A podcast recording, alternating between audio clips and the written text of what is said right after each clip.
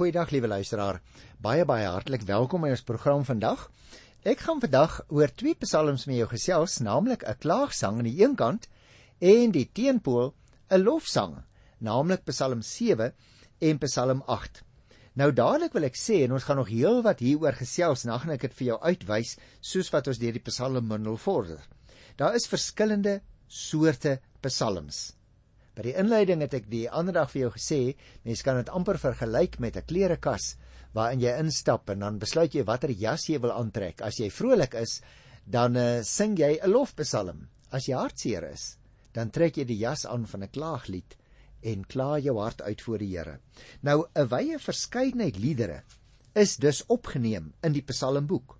Daar is verskillende hoofsoorte as ek dit nou so mag sê. Ek wil vandag vir jou 'n paar daarvan noem, maar ek wil ook vir jou sê party van die psalms kan jy in verskillende kaste hang. Met ander woorde, soms kan jy sê 'n psalm soos Psalm 8, sommige beskou hom uh as 'n sogenaamde skepingspsalm, ander beskou hom as 'n lofpsalm. So dit hang ook af uit watter hoek jy kyk, maar is maar net interessant om daarmee rekening te hou dat daar verskillende soorte psalms is. Byvoorbeeld, psalms waarin 'n persoon sy hart voor die Here uitstort. Ek het verlede keer so 'n klaagpsalm, twee daarvan eintlik, behandel. Of psalms waarin 'n persoon sing oor sy vertroue in die Here, soos Psalm 16. Of psalms wat terugkyk op Israel se geskiedenis. Ek dink Psalm 44 is 'n baie goeie voorbeeld. Of psalms waarin almal saam by die Here pleit. Met ander woorde, dit is nie 'n individuele klaagsang dan nie, dan is dit 'n gesamentlike klaaglied, byvoorbeeld Psalm 12.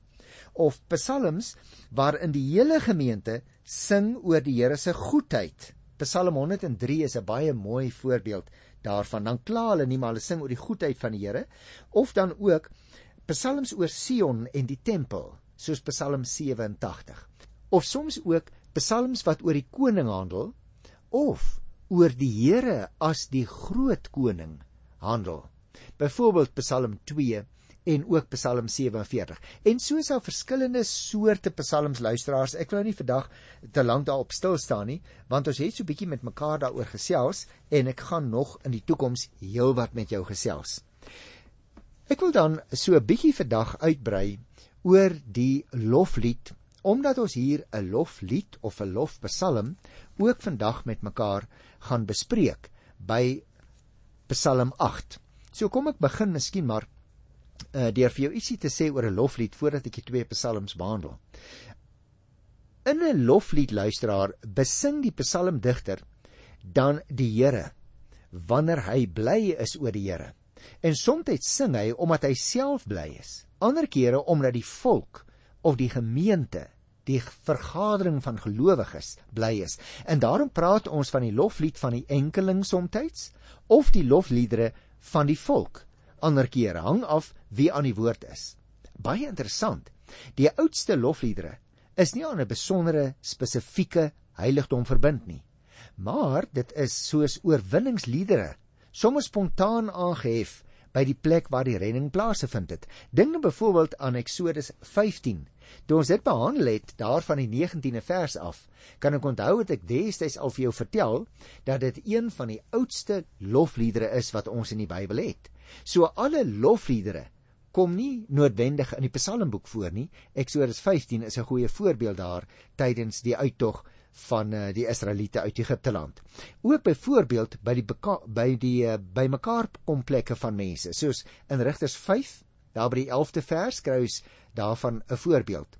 Later moet ons natuurlik onthou, was die aangewese plek vir die lofpsalm natuurlik spesifiek by die tempel in Jerusalem. Jy kan gaan kyk in die psalmbundel, Psalm 135 vers 2 en vers 21 maak daarvan melding en ook Psalm 100 vers 4 waar ons kan agterkom hoe dat die lofsange 'n lied was of liedere was wat baie populêr was juis in die tempel in Jerusalem. Dit was van selfspreeke natuurlik nie uitgestryd nie luisteraars dat baie lofliedere ook ver van die heiligdom af gesing is nie. Byvoorbeeld die lofliedere van die enkelinge. Dink nou aan Psalm 103 en ook Psalm 104. Ons kan dus sê dat die lofprysinge van die Here hulle oorsprong in die geskiedenis van die volk en ook in die alledaagse lewe van die enkeling hulle ontstaan gehad het. Die Here woon mos nou nie net in die tempel nie, né, maar ook in die midde van sy gemeente wat 'n tradisie van lofprysing vir die Here opbou mettertyd.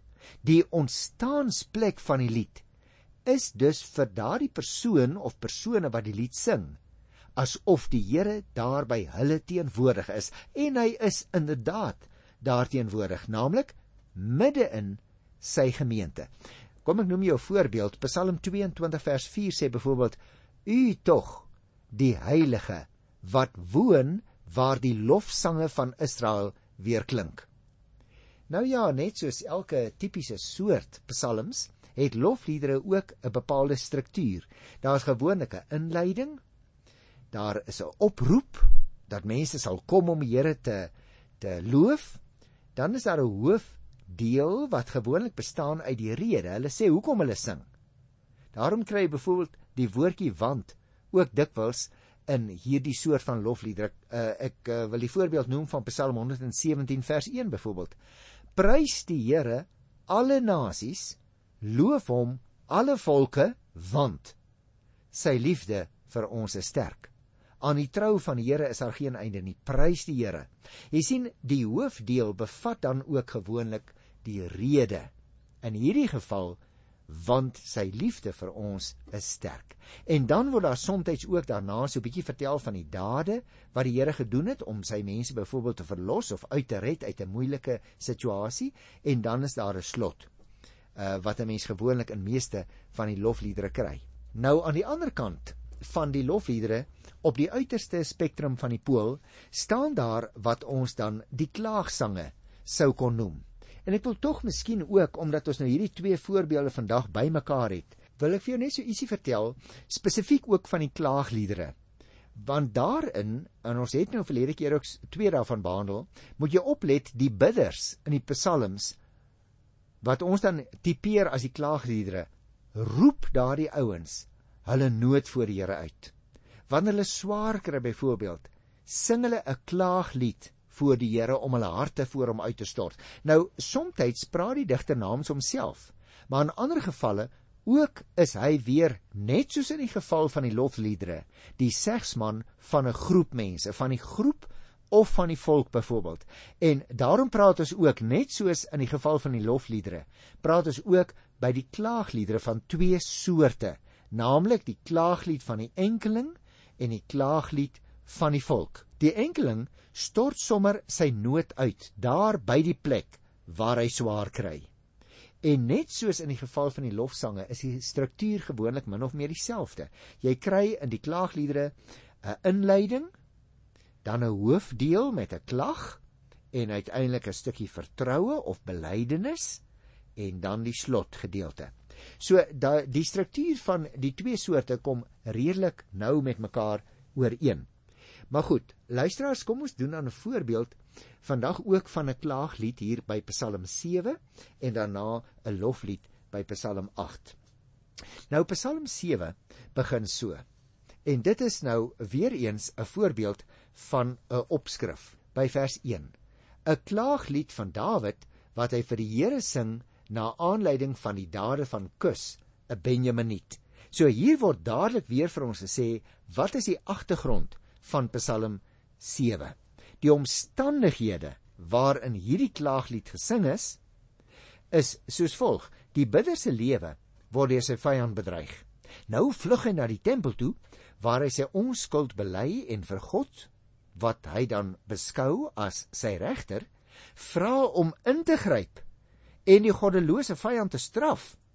Nou volgens hierdie opskrif blyk dit baie duidelik dat dit Dawid se lewe is wat in gevaar gestel is deur Kus. Nou Kus was 'n Benjaminiet. Dit staan ook hier in die opskrif, 'n gebeurtenis waarvan ons oorigens niks weet nie. Jy onthou dat ek vir die vorige program vir jou gesê het, die opskrif help ons soms om te weet watter instrumente gebruik is wanneer die spesifieke lied gesing is, of tweedens om ons te help wanneer die spesifieke historiese situasie vermeld word. Maar hier in Psalm word die historiese konteks nie vir ons aangedui nie. Al wat gesê word is dat Dawid dit gesing het na aanleiding van die dade van Kus 'n Benjaminiet. En presies wat die omstandighede was, weet ons glad nie, want daar word hoegenaamd geen aanleiding gegee nie. Luister na vers 2 en 3. By U soek ek beskerming, Here my God. Help my. Red my van almal wat my vervolg, sodat hulle nie my verskeur soos 'n leeu sy prooi nie, my nie uitmekaar skeur sonder hoop op redding nie. Jy sien, hy pleit dat die Here hom teen sy vyand moet beskerm. Nou daarvoor is hy nou natuurlik afhanklik van die Here op wie hy vertrou. En hierdie vertroue blyk juis uit die manier waarop hy die Here aanroep. Let op in die tweede versie. Here my God. Jy sien daar is dus 'n verhouding tussen hierdie man en die Here.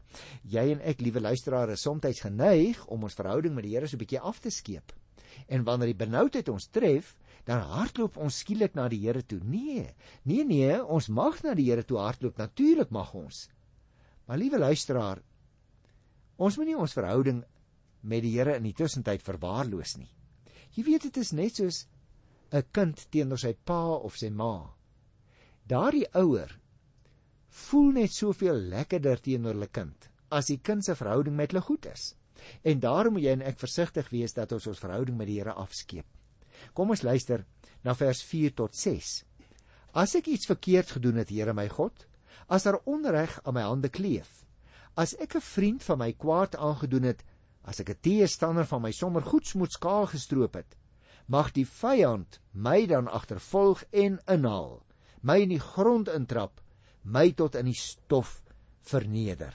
Jy sien, die bidder lê hier as dit ware 'n eed af dat hy onskuldig is. Die woorde iets verkeerd. Hy sê as ek iets verkeerd gedoen het, dit verwys na die beskuldigings wat ander mense nou teen hom inbring. Hy verwys verder nog 3 keer na ander moontlike dade, maar ons gaan nou-nou dit raak lees. Kom ons kom hier by vers 7 tot by vers 10. Kom tog, Here, in u toren. Tree op teen die verwoede aanslag van my teestanders. Kom my te hulp. U wat bepaal het dat reg sal geskied. Laat al die volke rondom u kom staan. Neem hoog bo hulle u plek in op u regterstoel. U wat reg spreek oor die volke, Here, bevind tog dat ek reg het, Here, dat ek onskuldig is. Maak 'n eind aan al die bose dade van die goddelose mense. Stel tog die onskuldige in die gelyk. U wat die mens deur en deur toets. U is die regverdige God. Is dit nie pragtig nie? Nadat die digter die eed afgelê het dat hy onskuldig is, vra hy dan dat die Here as regter moet ingryp en dan moet uitspraak lewer in sy guns. Nou dis baie belangrik dat hierdie man regtig onskuldig is. Want jy sien, liewe luisteraar, jy en ek wil dikwels aan die verkeerde kant van die streep wees en dan vra dat die Here ons daaruit moet haal deurdat ons onskuldig bevind moet word terwyl ons eintlik skuldig is. So hierdie man is nie oneerlik nie. Hy sê Here, ek is onskuldig. En daarom vra ek u, haal my asseblief uit hierdie situasie uit. Die krag van sy hulpgeroep blyk juis uit die drie werkwoorde in die 7de vers. En hy mag dit vra want die Here het bepaal, so sê vers 7 se laaste sinnetjie. Die Here het bepaal dat reg sal geskied. Die Here, liewe luisteraar, het dus 'n uitspraak gemaak en nou beroep hierdie digter hom op die belofte en die uitspraak van die Here. Hy pleit dus op grond van wat God in sy openbaring bepaal het, wat die Here beloof het, wat hy beveel het. En daarom moet ons oplet na vers 7a byvoorbeeld ook. Kom tog Here in u toren Nou daardie verwysing van die toring van die Here verklaar dat God nie die optrede van die vyand goedkeur nie. Hierdie man is dus werklik onskuldig. En nou die Here bepaal dat reg sal en moet geskied en die goddelose mense is besig om hierdie gelowige bidder te verontreg. En daarom luisteraar het hy vrymoedigheid om die Here te vra om hom uit te haal uit die situasie. Kom ons lees vers 11 tot by vers 17. God wat die opregtes help, is my beskermer. God is 'n betroubare regter, 'n God wat altyd die skuldiges straf. Hy maak sy swaard elke keer weer skerp, hy span sy boog in en lê aan. Hy hou dodelike wapens gereed te maak vir hom brandpyle. Die skuldige is soos iemand wat swanger geraak het van onreg, swanger is van kwaad en leuns voortbring. Hy grawe 'n diep gat en val self daarin. Sy boosheid tref homself en die geweld wat hy beplan het, kom op sy eie kop af. Baie interessant dat hierdie man dus nie net sê en weet hoe dat die Here optree teenoor die regverdige nie, maar ook hoe dat die Here optree teenoor die goddelose.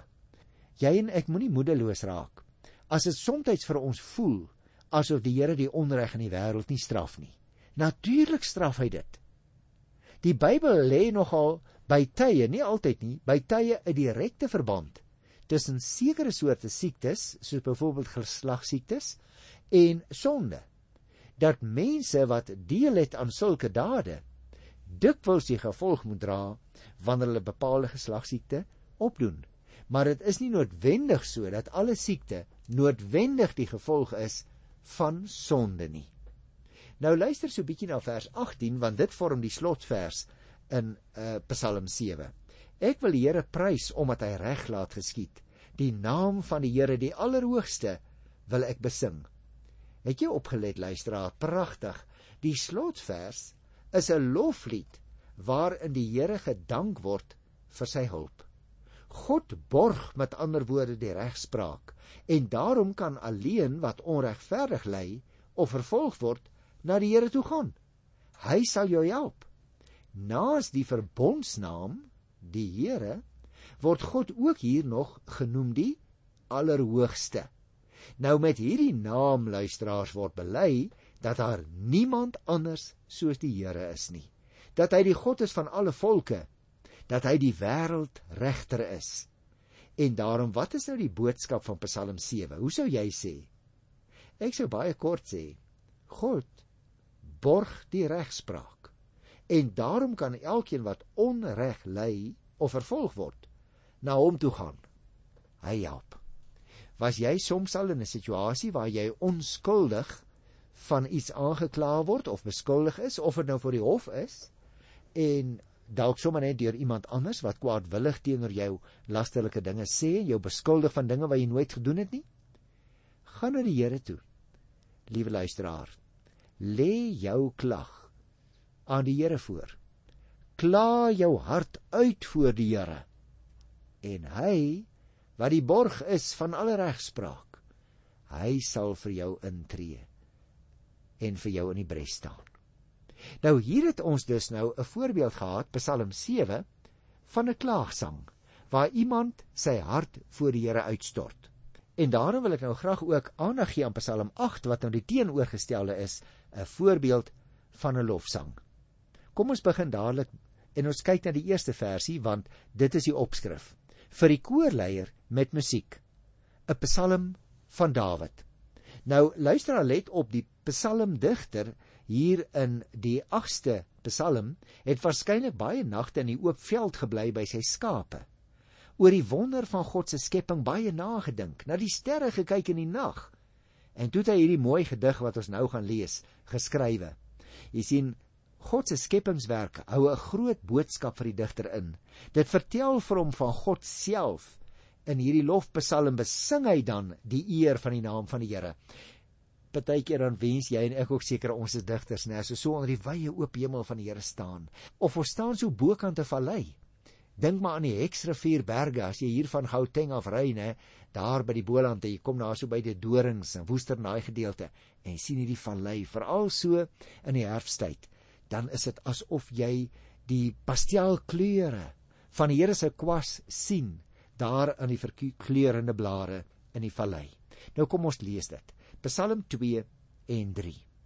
Here ons Here, hoe wonderbaar is u naam op die hele aarde. Hoe glansryk alles wat u in die hemelruim geskep het. Kinders en suiglinge, besing u magtige werk wat u tot stand gebring het. So word u teestanders, die vyande en wraakgieriges tot sweye gebring. Is dit nie 'n baie baie pragtige lied nie, liewe luisteraar?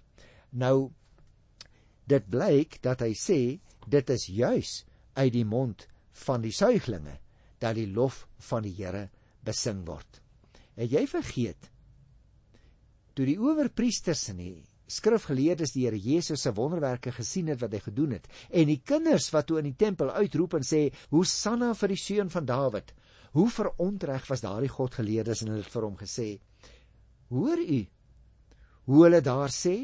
En Jesus antwoord hulle Matteus 21 vers 15 en 16 hierdie woorde ja het julle nooit gelees uit die mond van kinders en suiglinge? Het u vir u self lof berei nie? En hier het ons daai mooi woorde. Kom ons lees vers 4 tot by vers 9. As ek u hemel aanskou, die werk van u vingers, die maan en die sterre wat u 'n plek gegee het, wat is 'n mens dan dat u aan hom dink? Die mensekind dat u na hom omsien? U het hom net 'n bietjie minder gemaak as 'n hemelse wese en hom met aansien en eer gekroon.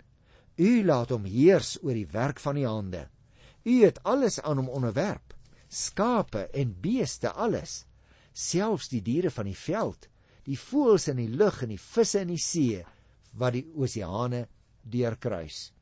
Is dit nie 'n pragtige lied nie? Liewe luisteraars, jy kan verstaan dat mense soms hier nie net sê dit is 'n loflied nie, maar dat hulle ook soms hierna verwys as 'n lied oor die skepping. Nou dit is dus dieselfde gedagte as in Psalm 19 en ook Psalm 29 wat uit en uit bekend staan as sogenaamde skepingsliedere. Nou hierdie man kyk op na die hemel, die werk van die Here se vingers, die maan en die sterre wat hy gemaak het. Want jy sien vir hom is die hele skepping die vingerwerk van God. Dit alles dra vir hierdie digter die persoonlike stempel van die almagtige God wat dit alles geskep het. En daarom wil amper vir jou sê wag so bietjie die klank van die stem in die nagwind verander skielik van toonhoogte want in die ekstase by die aanskouing van die skepping kom daar nou verbasing in hierdie man se stem. Wat is die mens tog? Dat u aan hom dink. Ja dat u die mensekind aanskou dat u hom besoek. Dis nogal so 'n bietjie anders as in Job 7 vers 17 waar die digter homself verfoei het omdat hy lewe. Hierdie man besef tereg ook, liewe luisteraar, dat dit die Here is wat vir jou en vir my baie besonder gemaak het, want ons is gemaak na sy beeld. Die 5de vers. Wat is die mens dan dat u aan hom dink? Die mensekind dat u na hom omsien. U het hom 'n bietjie minder gemaak as 'n hemelse wese, hom met aansien en eer bekroon. Jy sien luisteraar, eer en heerlikheid rus op die mens soos 'n suurlike kroon. Ja, jy en ek, kleine ou mensies. Ons behoort volgens die raad van die Here tot die wêreld van God. Ons is deel van sy skepping. Ons is sy beelddraers en daarom saam met die res van die skepping vorm jy en ek deel van die groot teater van die glorie van God, het die ou kerkvader Calvin gesê. Kyk hoe vereer die Here ons vers 7. Die digter sê: "U laat hom heers oor die werk van die hande." U het alles aan hom onderwerp, skape en beeste, die alles, selfs die diere in die veld, die voëls in die lug en die visse in die see wat die oseane deurkruis. O luisteraar, die mens is eintlik niks in vergelyking met die skepping nie en tog tog is ons bekleed met die hoogste mag op aarde. Dit is slegs God wat buite die gesagsveld van die mens val. Die wêreld en die mens is deur trek van die mag van God hoor. Daar waar die naam van die Here uit die verborgenheid na vore roep, daar word hy geprys as die Here. En daarom wil ek afsluit met die laaste versie, vers 10 hier in Psalm 8. Here, ons Here, hoe wonderbaar is u naam oor die hele aarde. Ag, liewe luisteraar, broer en suster, Christus gelowiges, ons is mense wat herstel is in die regte posisie voor die Here. 'n posisie wat my gegee is deur die soenverdienste van Jesus Christus. En in sy naam mag jy en ek vandag dalk luister jy op 'n stadium na die bandjie vannag uitstap onder die oop hemel. Mag ek weer 'n slag verwondering na die hemel liggame daarbo kyk en sê: Here ons God, hoe heerlik is U naam op die ganse aarde. Ek moet jou weer 'n slag in ekstase nooi. Kom ons kyk na die skepping. Want wie jy liewe luisteraar, eers dan sien jy en ek ons regtig eers in perspektief. Wat is die mens? Wat is die mens dat u aan hom dink? Dat u aan hom dink in Christus, 'n vrygemaakte mens. Dit is alles louter louter genade. Wonderbaar is u naam oor die hele aarde. Ek groet jou in die wonderlike naam van die Here. Lees Psalm 8 en sing die lofpsalm in die stilte van jou eie plek. Tot volgende keer. Totsiens.